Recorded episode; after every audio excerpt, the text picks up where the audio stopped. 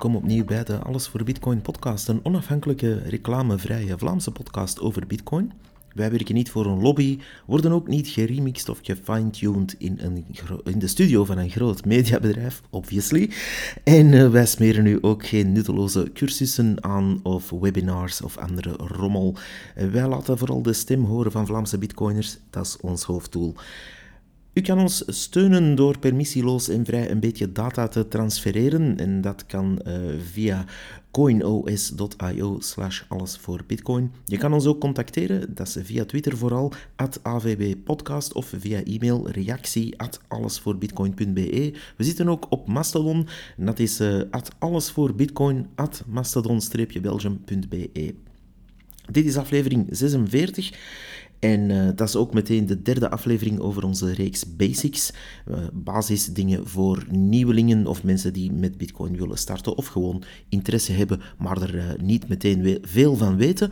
Of wiens kennis enkel komt van de ja, grote mediabedrijven en hun ja, vaak doorzichtige zever.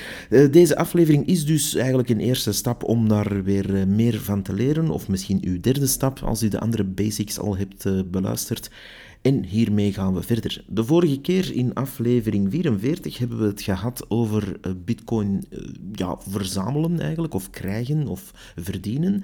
En uh, vandaag gaan we daar een stapje verder aan breien en dat is natuurlijk de volgende stap, namelijk eens je die bitcoins hebt verdiend of gekregen, dan uh, hebt u natuurlijk Bitcoin ergens opstaan, meestal op een uh, wallet of een Lightning wallet, en dan gaat u daar natuurlijk uh, ja, dat willen gaan bewaren. De vuistregel die ik hier wil uitleggen is natuurlijk geheel vrij. Ik geef maar wat, wat ik aanraad om te doen, maar natuurlijk, zoals steeds, denk zelf ga zelf er niet vanuit dat alles zomaar uh, gebeurt vanzelf en dat je niks moet doen. Je moet wel degelijk zelf iets doen. Want anders kan u natuurlijk even goed naar uw grootbank stappen en zeggen: Oh, hier zijn mijn spaarcentjes, doe er maar iets mee. En dan ziet u vanzelf wel wat er gebeurt elk jaar. Dus uh, Bitcoin is een hele andere wereld. Daar moet u zelf wel iets kennen en zelf iets doen. Hebt u daar geen zin in of hebt u daar de capaciteit niet voor of gewoon de tijd niet voor, zelfs geen vijf minuten? Ja, jammer. Uh, zoals met alles, als u er geen tijd of moeite wilt insteken, dan komt er zeer weinig uit en hangt u van andere mensen af. Bij Bitcoin hangt u vooral van uzelf af en dat betekent dat u de mantra not your keys, not your bitcoin, dus niet uw sleutels, niet uw bitcoin, wel degelijk gaat uh, moeten toepassen. En die sleutels, dat gaat dan eigenlijk over de zogenaamde private keys. En uh, dat is eigenlijk de basis van uw ja, uw bitcoin zelf onder controle hebben. En daar gaan we vandaag uh, een beetje dieper op in. Ik moet er ook bij zeggen dat uh, er ook nog andere afleveringen van deze podcastreeks daarover gingen. Met name aflevering 27 is uh, belangrijk in dat oogpunt. Daar heb ik eerst het gehad over de CBDC's en de digitale euro. Maar in het tweede deel ben ik dieper ingegaan over hoe u met een bepaalde tool genaamd Electrum uw eigen keys kan beheren. beluister die zeker ook, want een groot deel wordt daar ook al uitgelegd. Uh, wat je nooit nodig hebt om zelf je bitcoins bij te houden, is natuurlijk een betrouwbare wallet. Een wallet of een portefeuille of een, uh, een uh, ja, software om dat te beheren. Maar wat doet zo'n ding eigenlijk? Um, om het in heel newbie-termen uit te leggen, houd dat gewoon uw private keys in beheer. Uh, zorg dat er dus eigenlijk voor, net zoals u bijvoorbeeld een paswoordmanager zou kunnen gebruiken, um, gaat u eigenlijk, uh, als u gewoon uw computer gebruikt en u hebt een paswoordmanager, gaat u uw paswoorden daarin laten beheren, omdat u die niet allemaal zelf moet gaan uh, onthouden. Als u bijvoorbeeld 300 paswoorden voor allerlei websites en diensten moet gaan onthouden, dat is nogal moeilijk. We zijn allemaal maar mensen, we kunnen allemaal maar zoveel onthouden. En dan zijn er stukjes software die dat voor u makkelijk gaan maken, waar u dus telkens een fiche hebt voor welke website, welke usernaam, welk paswoord en zo verder.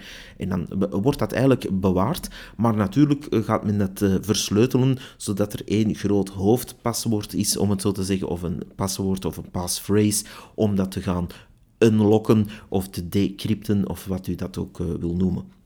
Op die manier werken eigenlijk een beetje uh, Bitcoin wallets ook. Um, u gaat eigenlijk het eindresultaat van een reeks verrichtingen gaan bewaren op een ja, Bitcoin-adres, zal ik nu maar zeggen. En dat Bitcoin-adres kan iets verzenden natuurlijk ook. Een Bitcoin-adres kan ontvangen, maar ook verzenden. En dat, eh, die verzending moet natuurlijk gebeuren met jouw private keys, omdat je dan de eigendom bewijst van eh, het, het bedrag of het aantal Bitcoin dat er op dat adres aanwezig is. Ik versimpel hier de dingen. Uh, mensen die dieper in Bitcoin zitten en daar jaren mee bezig zijn, gaan nu waarschijnlijk lachen van ja, zo werkt het niet helemaal. Wel, eigenlijk wel. In zijn pure essentie gaat het erom dat u met uw private keys gaat zeggen: dit stukje wat er op de blockchain aanwezig is, daar heb ik controle over, maar daar kan ik ook iets mee zenden. Dus. En daar kan u ook gewoon eigenaarschap mee bewijzen door een boodschap te tekenen.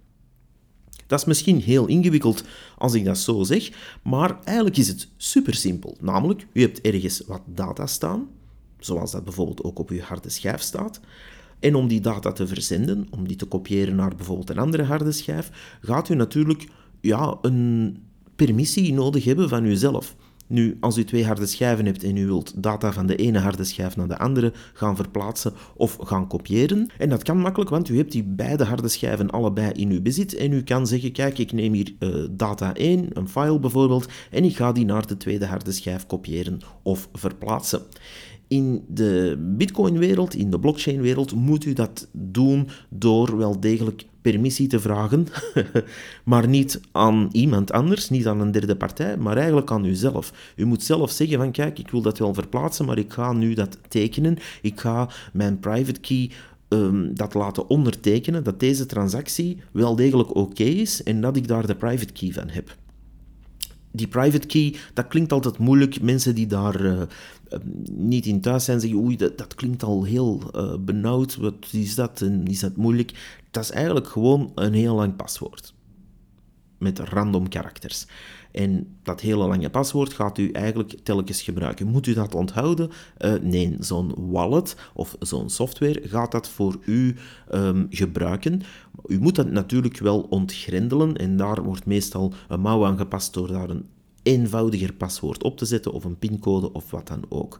Uh, er zijn natuurlijk heel veel soorten software die dat voor u gaan beheren. Daar gaan we het zelfs over hebben. Maar in het algemeen komt het neer op wanneer u Bitcoin van A naar B wil zenden, hebt u een bepaalde key nodig om die verzending te gaan ondertekenen en om te zeggen: dit is inderdaad van mij en ik kan daar nu een actie, een actie mee doen en dat is dat verzenden.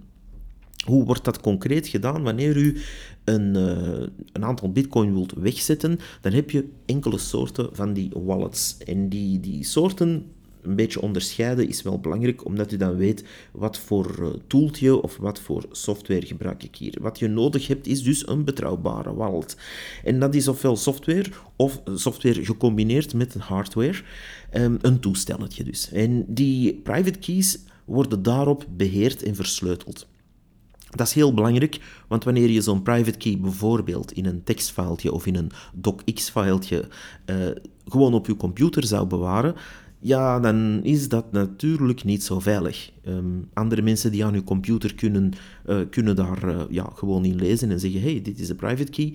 Um, u kleeft bijvoorbeeld ook de pincode van uw bankkaart niet op die bankkaart zelf met een post-it en die laat u dan ook niet thuis rondslingeren, vermoed ik.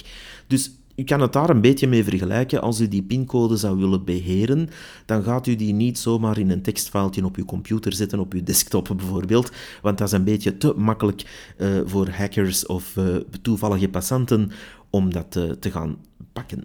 Met andere woorden, die beveiliging en dat, dat dat encrypteren van die uh, private keys. Vroeger was dat een, uh, in de beginjaren van Bitcoin was dat een beetje een uh, moeilijke zaak. Tegenwoordig is dat super makkelijk geworden. je kan hier voor die beveiliging trouwens, en dat is een klein zijspoortje dat ik toch heel even wil aanhalen, je kan in deze beveiliging ook erg ver gaan. Um, maar aangezien dit specifiek is gemaakt, deze aflevering voor mensen die uh, nieuw zijn, ga ik daar niet te gek ver in gaan. Maar uh, de reden hiervoor uh, dat ik dat zeg is heel simpel. Wanneer je nieuw bent en je gaat te ver in die beveiliging, dan is het risico aan de andere kant weer groot dat je zelf niet meer aan die private keys kan.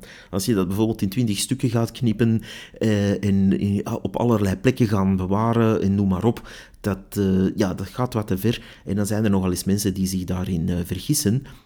of stukken vergeten. En dan, ja, dan heb je ook geen controle meer over die private keys. Dus doe niet te gek aan de domme, kant, zou ik zeggen. Dus zet het niet op een papiertje of op een post-it en kleef dat niet op uw ijskast. zet het ook niet op een tekstfile op uw desktop. Dus dat is dan te gek doen aan de domme kant. Maar wees ook weer niet slimmer dan uzelf door... Um, al te grote beveiligingsschema's te gaan uitdenken. Laat dat over aan mensen die daar al langer mee bezig zijn en daarmee geoefend zijn. Maar uh, better safe than sorry. Ik zou eerder zeggen, ja, uh, als u dan toch overdrijft, overdrijf dan eerder naar de beveiligingskant. Want er zijn wel degelijk dingen die continu naar private keys van Bitcoin wallet zitten scannen. Als u bijvoorbeeld een sequentie van 24 woorden die toevallig in zo'n uh, walletlijst voorkomen, als u die gewoon naar elkaar zet en ergens online plaatst, is de kans enorm groot dat dat uh, gaat geprobeerd worden door een of andere automatische bot of software om eens te kijken of daar bitcoin in zit. Dus um, ja, daar is natuurlijk, zoals met bijna alles, een beetje gezond verstand voor nodig. En met dat gezond verstand kom je al heel ver. Zie dat je zelf tenminste nog aan kan, want daar gaat het natuurlijk om. Uh, dat is de eerste vereiste. Kan ik er zelf op een manier aan en is die manier veilig genoeg? Um, Sommige mensen leggen dat op een andere plek, andere mensen schrijven dat op een papiertje en leggen dat uh, op een hele veilige plek. Noem maar op, u kan zelf wel bedenken wat veilig is of niet daarin is ook ieder zijn situatie anders. Ehm, ik zeg maar iets, als u uh, samenwoont met vier mensen in een co-housing, is uw situatie helemaal anders dan dat u, uh, laat ons zeggen, in een bunker leeft ergens onder de grond dus, en helemaal alleen bent. Met andere woorden, ja, wees een beetje slim daarin en bewaar die keys op een goede manier. Um, het risico dus om die keys kwijt te spelen is tegenwoordig nogal klein wanneer u bijvoorbeeld een hardware wallet gebruikt. Wat is zo'n hardware wallet? Heel simpel, dat is een bedrijf, uh, meestal een bedrijf die zoiets maakt. U moet dat natuurlijk ook vertrouwen. Er, uh, er zijn natuurlijk uh, wallet providers die heel betrouwbaar zijn en er zijn er andere die al eens een steekje laten vallen. Ik ga hier geen namen noemen, omdat ik eigenlijk het zo open mogelijk wil houden. Er zijn een aantal wallets die, als u daarop zeer bekend zijn, zeer veel reclame maken. Er zijn er andere die iets meer uh, obscuurder zijn, moeilijker te gebruiken zijn qua interface. U moet daar echt zelf reviews over bekijken. U moet daar echt zelf naar op zoek gaan. En net om dat te triggeren ga ik hier absoluut geen namen noemen van hardware wallets, omdat... Um, dat ons te ver zou leiden. Maar wat doet zo'n bakje? Ik zal het even een bakje noemen of een stikje. Dat, dat gaat eigenlijk één ding doen. Dat gaat uw keys beheren, maar ook uw adressen beheren. Wanneer u dus een Bitcoin-adres daarop hebt, kan u daarop ontvangen. En uh, de volgende keer wanneer u zegt ah, receive, dan gaat dat een nieuw adres genereren. En die adressen hangen eigenlijk allemaal samen in één cluster, zal ik nu maar zeggen, die eigenlijk van diezelfde um, uh, hoofdkeys komen. Uh, ja, heel concreet bij het aanmaken van zo'n hardware wallet in het begin uh, gaat het eigenlijk opstarten en zelf zeggen van kijk, dit uh, gaan wij random genereren. En dat komt eigenlijk um, neer op een hele lange key genereren die waaruit eigenlijk alle andere Bitcoin-adressen komen. Met andere woorden, u hebt één key, dat gaat niet één Bitcoin-adres genereren, maar dat gaat er echt duizenden genereren desnoods. Uh, ze beginnen meestal met honderd, dacht ik. Um, en die, die Bitcoin-adressen hebben allemaal op zich een private key voor dat ene Bitcoin-adres, maar die vallen allemaal onder één cluster die eigenlijk kan gegenereerd worden opnieuw, telkens opnieuw door uh, random data. Nu, die random data, um, die kan op allerlei manieren gegenereerd worden. Er zijn mensen die dat doen met dobbelstenen, er zijn mensen die dat doen met speelkaarten. Uh, er is software die dat uh, voor u kan doen door dat zo random mogelijk te maken. dat is natuurlijk in de computerwereld nogal een tricky gegeven. Hoe ga je een computer iets heel random laten genereren? Dat is niet altijd zo simpel. Er zijn specifieke chips voor gemaakt. Bepaalde um, wallets gebruiken die ook, waarmee je heel random data kan laten genereren. En waardoor je uh, een reeks ja, cijfers, zal ik nu maar zeggen, en letters na elkaar krijgt die, enorm die enorm lange string van cijfers en letters gaat ervoor zorgen dat er daaruit bitcoin-adressen kunnen gegenereerd worden via een bepaald uh, ja, encryptiemechanisme, zal ik maar zeggen. Dat is heel technisch. U moet dat ook niet helemaal snappen. Heel concreet gaat dat als volgt. U koopt, u koopt zo'n stick of zo'n bakje als u dat niet wenst te kopen, ga ik u zelfs ook een uh, gratis oplossing geven. Maar het, de veiligste manier is, u koopt zo'n stickje of zo'n bakje. En uh, men heeft daar natuurlijk een kleine gids bij, waarbij men zegt van kijk, u zet dat nu aan en nu gaan we 12 of 24 woorden genereren. U schrijft die apart op een papiertje, liefst, liefst zonder camera's en zonder pottenkijkers erbij. En u gaat dat papiertje goed bewaren. Trek daar uiteraard geen foto van met uw smartphone, want dan kan half China ook mee lezen, bij wijze van spreken. Ehm, maar uh, ja, wees een beetje ja, verstandig daarmee. U moet dat papiertje ook niet laten rondslingeren of op uw ijskast kleven. Het is geen goed idee. Die 24 woorden zijn eigenlijk uw basis uh, om al die andere Bitcoin-adressen die in dat bakje zitten uh, te gaan genereren. Of te laten genereren, met elke keer hun eigen private key. U kan die dan blijven gebruiken. Nu, Moest u dat bakje kwijtspelen of uh, dat, dat is vernield op een of andere manier, dan uh, ja, dat is dan zeer jammer. Dan kan u natuurlijk altijd een ander zo'n wallet kopen en daar een herstelmodus gaan uh, toepassen. De meeste van die dingen hebben, of eigenlijk allemaal, hebben wel een herstelmodus waar u zelf 24 woorden kan inplaatsen. U neemt dan uw papiertje, dat u natuurlijk veilig hebt bewaard, en u geeft die 24 woorden opnieuw in en dan komt u bij dezelfde Bitcoin-adressen uit, wanneer u natuurlijk het juiste eh, mechanisme of, ja, eh, de juiste encryptieschema hebt gekozen. Um, dat ja, dat is een, zijonderwerp. Dus die 24 woorden op zich zijn niet alles. U moet daar ook nog een, uh, een cijfertje bij schrijven, zal ik maar zeggen. En dat cijfertje komt eigenlijk neer um, welke soort adressen u gaat gebruiken. De soorten adressen zijn legacy-adressen. Nu, ja, uh, dat, dat gaat een nieuweling niet veel zeggen, maar dat zijn eigenlijk legacy-adressen of P2PKH, Pay to Public Key Hash, Legacy Address Formats. Dat zijn die adressen die met een 1 beginnen. Um, ja, die zijn ongeveer eh, die zijn 26 tot 36 karakters uh, lang. En dan heb je uh, Pay-to-Script hash adressen, P2SH. Mooi. En die, dat zijn eigenlijk, ja, de adressen die um, met een 3 beginnen. En dan heb je de BEG32-adressen, de SegWit-adressen, de native SegWit-adressen eigenlijk. Want die eerste met die drie zijn ook SegWit, maar um, segregated witness-adressen. U moet dat allemaal niet per se kennen, maar u moet gewoon weten dat er daar drie soorten van zijn. Dus de legacy, dus die van vroeger met een 1, dan diegene met een 3 en dan diegene die met BC1 beginnen. Um, waarom is dat weer belangrijk? Als u natuurlijk altijd BC1-adressen gebruikt, dus de native SegWit-adressen, uh, dan is dat heel tof. En die, uh, die raad ik ook aan, omdat die uh, op de blockchain ja, beter werken, goedkoper werken ook in transactie. Maar de het is wel belangrijk om te weten, want als u die 24 woorden opschrijft en u schrijft er niet bij welke soort adressen u gebruikt, dan moet u eigenlijk gaan zoeken. U komt daar wel, want die 24 woorden veranderen natuurlijk niet, maar dan moet u gaan zoeken van, ah, ik ben dat hier aan het herstellen en ik zit op, uh, ja, je klikt maar op iets en ik zit op het adresschema 1 van de legacy-adressen, ja, dan gaat u uw bitcoin niet meteen zien, want u gebruikte eigenlijk BC1-adressen. Dus u moet gewoon weten, er zijn drie soorten, kies de juiste. Heel simpel. Die 24 woorden, het is een kleintje om er even bij te schrijven. Ik schrijf eh, BC1-adressen en dan uh, weet iedereen wel wat het, uh, wat het betekent. Dat maakt het u zelf ooit gemakkelijker, moest u dat willen herstellen.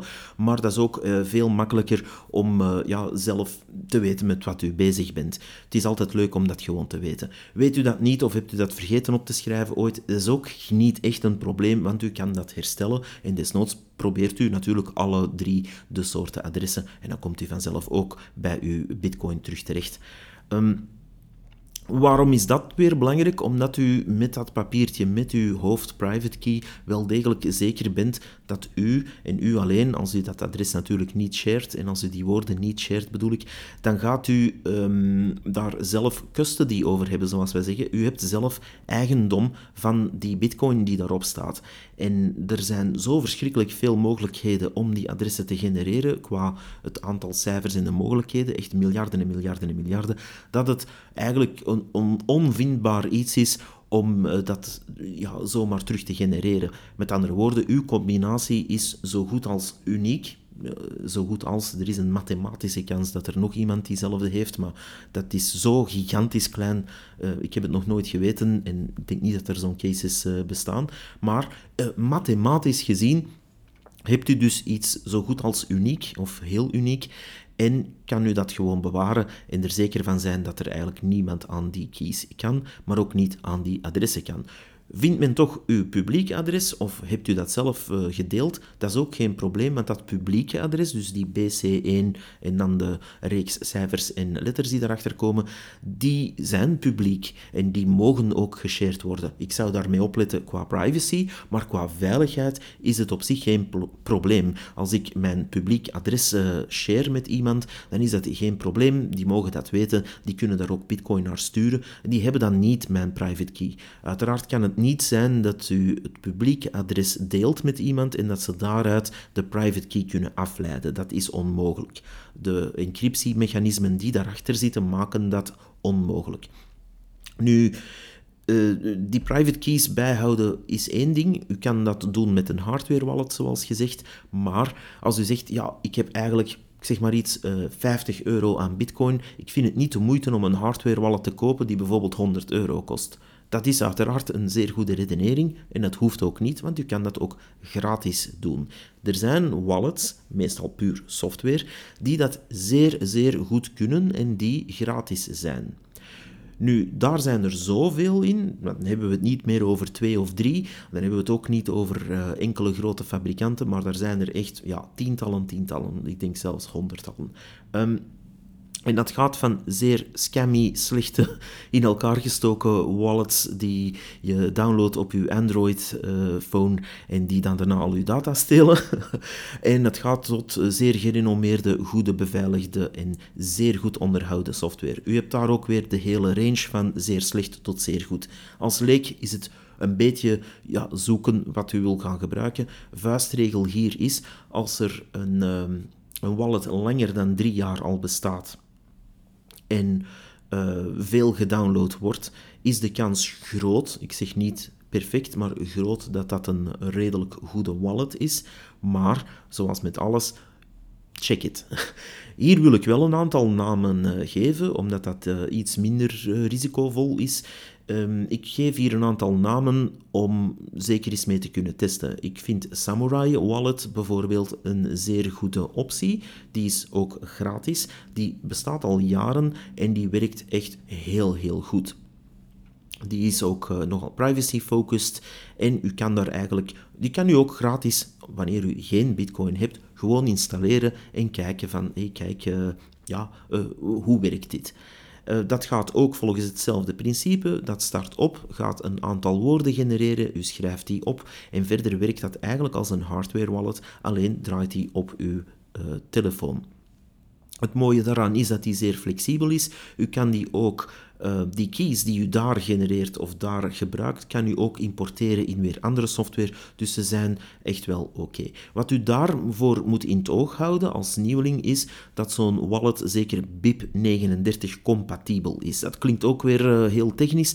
BIP39 staat eigenlijk voor een uh, Bitcoin Improvement Proposal.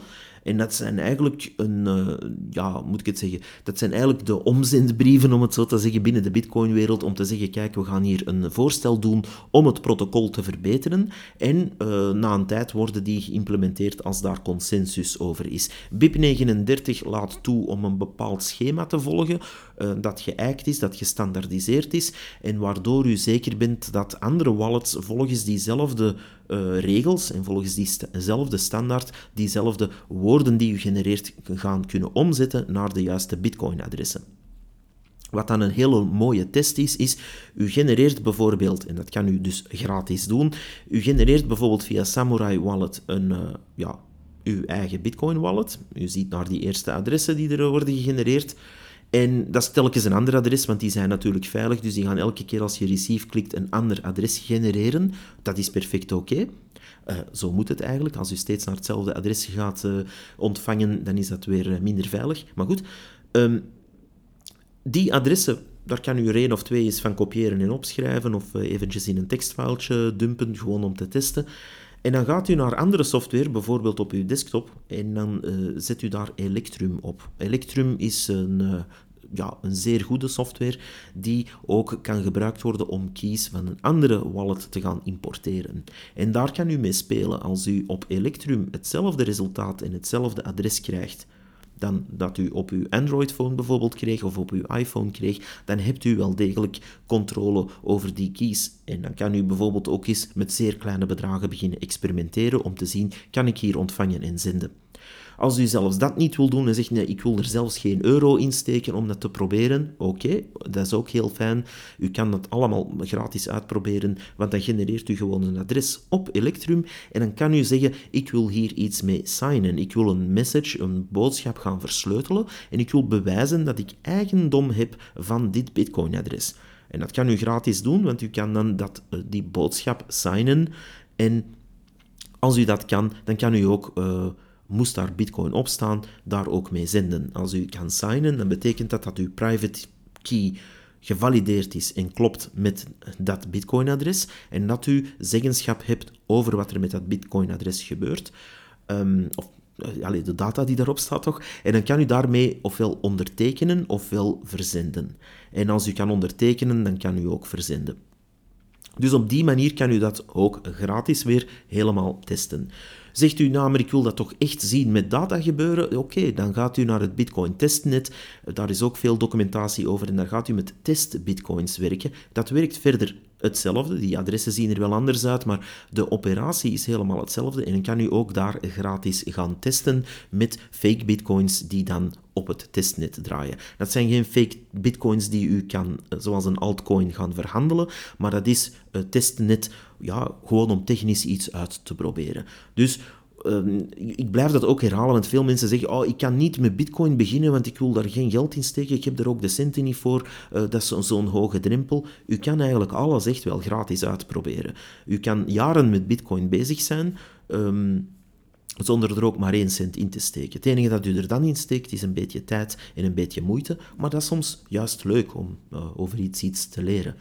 Um, er zijn ook bekende bitcoiners die dat zelf toegaven. Van kijk, uh, ik heb pas na twee, drie jaar ook zelf bitcoin uh, gekocht. Maar ik, was er daarvoor eigenlijk altijd op het testnet mee bezig of wat dan ook. Dus u hebt daar echt wel mogelijkheden en dat wil ik toch even, even heel sterk benadrukken.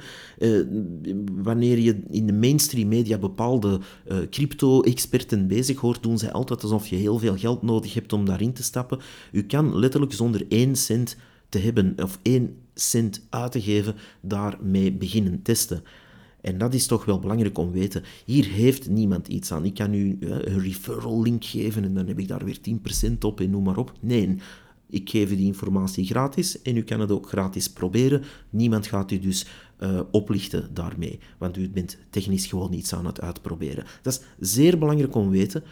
Dat is zeer belangrijk om dat ook te beseffen. Van kijk, Wanneer iemand u iets wil doen uh, kopen of uh, doen inschrijven ergens of wat dan ook, zijn ze u meestal een beetje aan het oplichten. Het is natuurlijk iets anders om iets aan te raden. Ik kan wel zeggen, uh, hardware wallet X, Y, Z, uh, die zijn in mijn opinie goed, omdat ik die zelf al heb gebruikt en die werken goed. Dat zou ik kunnen zeggen. Ik doe dat hier dus bewust niet, maar dan raad ik gewoon iets aan dat ik zelf gebruik. Ik heb daar verder ook niks aan of je dat nu koopt of niet. Maar zelfs dat doe ik hier niet om zo clean mogelijk, sekke, droge informatie te geven, want anders is het, ja, kijk, die man zit heel de tijd over dat of dat merk bezig. Uh, dat doe ik dus bewust niet. Um, maar goed, dus die, uh, die, laten we zeggen, softwareopties die er zijn, um, die, uh, die heb je, ja, legio online, maar daar ook weer ehm, moeten we het even hebben over operational security, OPSEC, zoals men dat dan afkort. En die operational security is wel belangrijk. Eender welke verrichting die u doet op een computer bijvoorbeeld, is maar zo veilig als uw computer. Ik wil dat ook even uh, meegeven. Soms worden er mensen gehackt als ze met bitcoin bezig zijn, maar soms worden er ook mensen gehackt als ze met eBay bezig zijn of met online bankzaken of wat dan ook. En die horrorverhaaltjes zie je dan breed uitgesmeerd in de media komen uh, met uh, ja, een of andere... Ehm, uh, meneer of mevrouw die er niet helemaal bij was en die dan voor x aantal bedragen uh, is opgelicht. Dat is zeer jammer, maar wanneer uw computer natuurlijk geïnfecteerd is met allerlei virussen, malware, Trojan horses en noem het maar op, dan hebt u wel andere problemen dan het omgaan met uw Bitcoin private keys.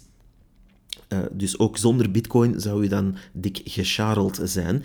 En dan hebt u bijvoorbeeld ook problemen met het bewaren van uw privéfoto's, of uw e-mails, of uw financiële gegevens en noem het maar op. Uh, dus dat is niet Bitcoin hun schuld, zijn schuld.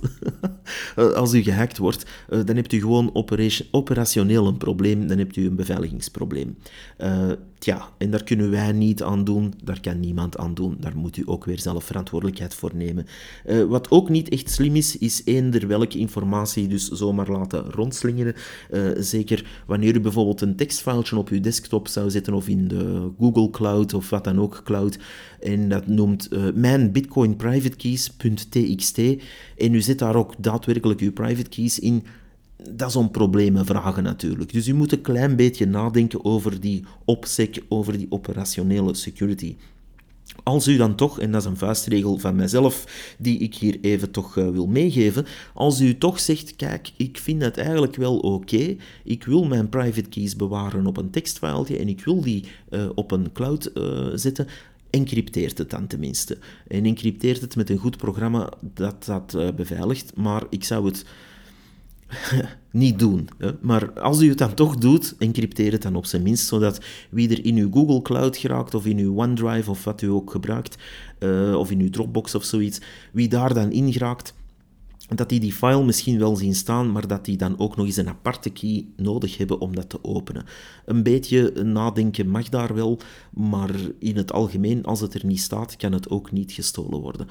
Um, dat is uh, ja, toch een vuistregel die ik even uh, meegeef. Wat ik daar ook eventjes bij wil zeggen, en dat geldt niet alleen voor bitcoin-beveiliging, maar in het algemeen. Mensen, als u ziet staan dat u two-factor authentication kan gebruiken, T2FA, 2FA geschreven, en dat gaat via sms, dan is dat niet veilig. Um, dus ik wil dat even heel duidelijk hierbij zeggen. Wanneer u eender welke service en ik ga nu een non-Bitcoin service als voorbeeld nemen. Wanneer u inschrijft op de beroemde It's Me-app om te bewijzen wat uw identiteit is, dan moet u daar op een bepaald moment een code aankrijgen via sms op uw telefoonnummer. En dat is volstrekt onveilig. Uh, nu, ze hebben daar iets anders op gevonden door, die, door dat een zeer korte tijd maar geldig te laten zijn, maar dan nog. Um, er zijn al heel veel mensen gehackt geweest. En niet alleen dus binnen de Bitcoin-wereld, het staat hier even los van, door uh, de zogenaamde SIM-swaps. En een SIM-swap is heel simpel. Iemand die, laat ons zeggen, een beetje onkoopbaar is. En zulke mensen gaan dan eigenlijk uw telefoonnummer kopiëren op een andere SIM-kaart. En natuurlijk, wanneer u een verificatiecode krijgt uh, via sms, dan uh, kunnen die mooi meelezen en inloggen in allerlei services in uw plek, maar wel namens u. Dus, um, ja dat is, uh, dat is iets uh, dat allemaal bij die operational security uh, hoort. In het algemeen kan ik dus even samenvatten. 1. Die Electrum wallet die kan je downloaden op uw desktop. Die is er voor Mac, voor Linux en voor Windows. Dus iedereen kan dat draaien. En dat is eigenlijk heel degelijke software. Die is ook BIP39 compatibel, dus andere wallets die uh, op die manier Bitcoin-adressen uh, hebben gegenereerd, kunnen daarop geïmporteerd worden. U kan ook de filetjes daarop bewaren, maar ook daar weer uh, pas een beetje op wat u doet, want als u die files bewaart en u zet daar geen paswoorden op, alles wat eigenlijk op uw computer staat, als u die computer dagelijks gebruikt, is een beetje risicovol. Daarom dat er heel veel mensen pleiten om dat gewoon ineens op een hardware wallet te zetten, want die is niet permanent online. En daar uh, moet u een pincode of een paswoord of wat dan ook gaan gebruiken om die private keys te kunnen gebruiken. Dus het gaat er eigenlijk om, uw, uw bitcoin leeft niet in een wallet. Uw bitcoin leeft op de blockchain. En om uw stukje dat er op die blockchain staat uh, te kunnen uh, beginnen gebruiken, moet u eigenlijk private keys hebben. Zo simpel is het. En er zijn heel veel mensen die dat wel eens vergeten. Het, is niet zo dat uw bitcoin, uh, of de bitcoins, zoals de tijd dat dat noemt, dat die op een stickje staan. Ik heb daarover laatst een artikel gelezen. Het was eigenlijk een beetje gek. Maar goed, de, men begint een beetje bij te leren. Dus men, men had tenminste al door dat er private keys waren. Dus dat is al heel tof. Maar die private keys bewaren, daar gaat het hem eigenlijk echt om. En hoe u dat doet, daar moet u zelf even over nadenken. Wat natuurlijk een veilige optie is, gewoon neem een papier, neem een potlood, schrijf die 24 woorden op, zet er ook bij welke soort adressen u gebruikt. Vouw dat papiertje op, steek dat in een enveloppe en leg dat op een veilige plek. Dat kan niet gehackt worden. Dat kan natuurlijk wel gestolen worden als die veilige plek uh, bezocht wordt door mensen die je niet, liever niet daar ziet. Um, maar uh, er zijn veilige plekken genoeg om zo'n dingen te gaan bewaren. Wat u ook kan doen, is daar andere schema's rond bedenken. En dan kan u dat bijvoorbeeld in twee splitsen en noem het maar op. Dus u kan dat veilig maken, of u kan gewoon ja, woorden van buiten leren. Als u die eerste tien woorden van buiten leert en de rest opschrijft, tja, dat is nog veiliger natuurlijk. Maar dan moet u wel zeker zijn dat u die tien woorden of vier woorden of wat u er ook eh, van wil maken, kan onthouden. Doe één ding niet. Uh, de nieuwelingen doen dat heel soms. Uh, als je 24 woorden opschrijft en dat laatste woord zegt, ja, ik ga dat niet opschrijven, ik ga dat onthouden. Dat, dat is eigenlijk een checksum woord. Uh, dat is het minst belangrijke woord. Dus de eerste 23 zijn eigenlijk genoeg om verder te kunnen. Dus maak die fout niet van, haha, ik heb hier een, een papiertje met 23 woorden op en het 24 woord, het 24ste woord zit in mijn hoofd. Dat onthoud ik wel. nee, dat, dat is geen goed idee.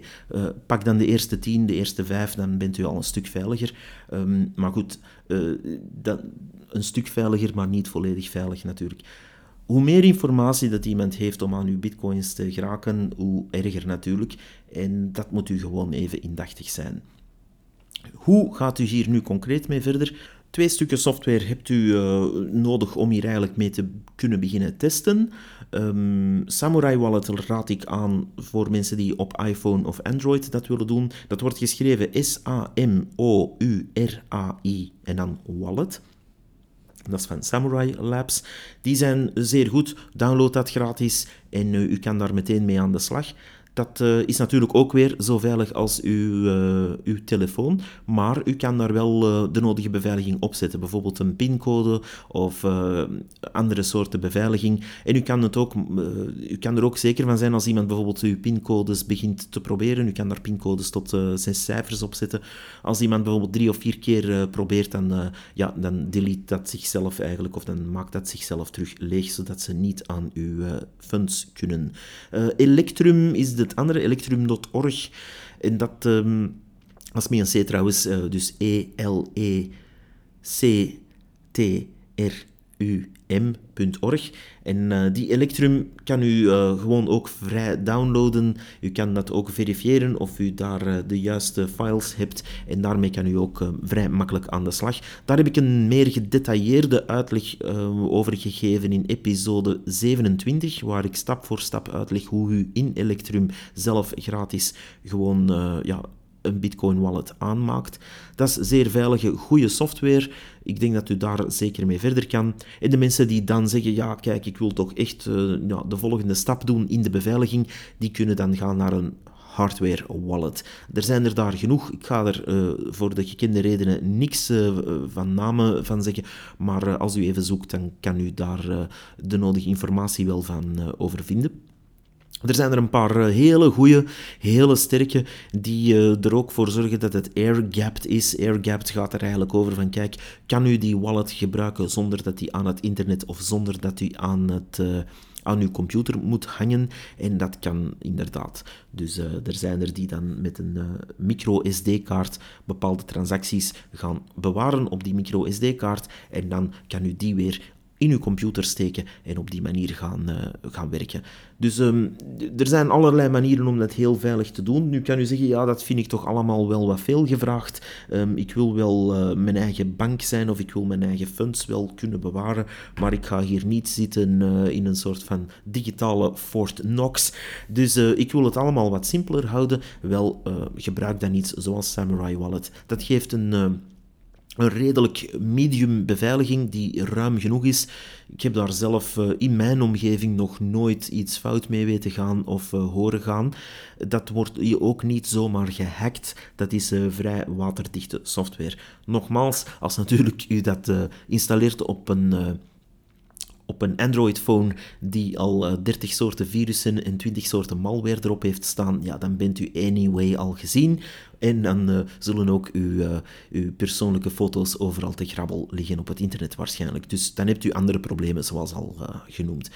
Met andere woorden, een beetje gezond verstand gebruiken, maar uh, met de juiste software en of de juiste hardware kan u uw private keys zelf beheren en kan u daarmee verder. Goede resources hierover zijn er ook genoeg. Er zijn genoeg mensen die die wallets allemaal reviewen. Uh, u kan dat zoeken op YouTube, maar u kan natuurlijk ook terecht bij uh, dingen als de Belgian Bitcoin Embassy. Die hebben ook een aantal links met meer informatie. Lop.net blijf ik ook aanraden voor de mensen die dat in het Engels even willen nalezen lopp.net. Die heeft ook heel veel links naar alle soorten wallets die er maar zijn. En verder, uh, wees ook indachtig dat als u dat echt hardcore beveiligd wilt doen, dat dat ook op, met pen en papier kan. En dat u dat uh, met dobbelstenen allemaal zelf kan genereren. Dus er zijn een hele wire aan schema's het hangt er allemaal vanaf hoe, ja, hoe je de balans ziet tussen beveiliging en het uh, gebruiksgemak. En als u zegt van, ja, voor mij is gebruiksgemak veel belangrijker, ja, dan kan u een eenvoudige wallet downloaden, zoals die Samurai Wallet. En dan kan u daar meteen mee aan de slag. Als u zegt, nee, nee, ik ben een beveiligingsfreak en ik wil het absoluut totaal beveiligen, dan kan u daar ook zo ver in gaan als u maar wil. Dus er zijn allerlei schema's en u kan daar ergens het midden houden. Wat wel belangrijk is, is dat u dat zelf niet aan een derde partij toevertrouwt. Zoals een exchange die zegt, ah, maar we maken het nog makkelijker voor u. Zet uw bitcoins hier bij uh, exchange uh, zoveel en die, uh, wij gaan dat voor u wel bewaren Zoals al daarvoor uitgelegd, dan hebt u zelf geen controle op wat er gebeurt, hebt u zelf de private keys niet en dan hebt u niet uw eigen keys, dus ook niet uw eigen bitcoin. Dat is iets dat ik telkens moet herhalen, maar dat is een heel ander principe dan dat wij gewoon zijn in de traditionele wereld, waar we natuurlijk afhangen van een bank en dat allemaal fijn vinden. Van oei, op een, op een dag gaat uw kaartje niet meer werken en hoe komt dat? Ai, ja, de bank vindt me niet meer tof. Dus u kan dat uh, dan... Uh, ja, bedenken van misschien zou er eens een wereld moeten zijn waar we niet van die middlemen afhangen, waar we niet van die tussenpersoontjes afhangen. En dat uh, doet Bitcoin. En dan moet u maar één ding leren, namelijk uw eigen keys bewaren. Dat is niet zo'n uh, moeilijk iets, dat is geen rocket science. Um, sommige mensen maken dat er wel van, maar dat is absoluut niet het geval. Het enige dat je moet indachtig zijn is, kijk, hoe genereer ik dat en hoe bewaar ik dat op een doordachte manier. Um, met deze vuistregels denk ik dat iedereen wel verder kan. Uh, moesten daar toch nog echt vragen over zijn, dan zijn er mensen genoeg waar je om hulp kan vragen online. Uh, doe dat niet uh, open op Twitter bijvoorbeeld, want dan komen er allerlei scammers en idioten op u af. Maar doe dat bijvoorbeeld in een, ja, een community die redelijk oké is qua beveiliging en waar andere bitcoiners u kunnen helpen. U vindt ze wel online, denk ik. Check zeker een aantal zaken uit voor uzelf. Probeer daar zelf iets mee. Als u echt zegt, ik wil er eigenlijk wel meer over weten, maar ik ga zeker niet investeren. Fijn, uh, u kan er gratis over leren. Probeer zo'n software eens uit probeer dat ook eens te herstellen. Dat is altijd een goede oefening.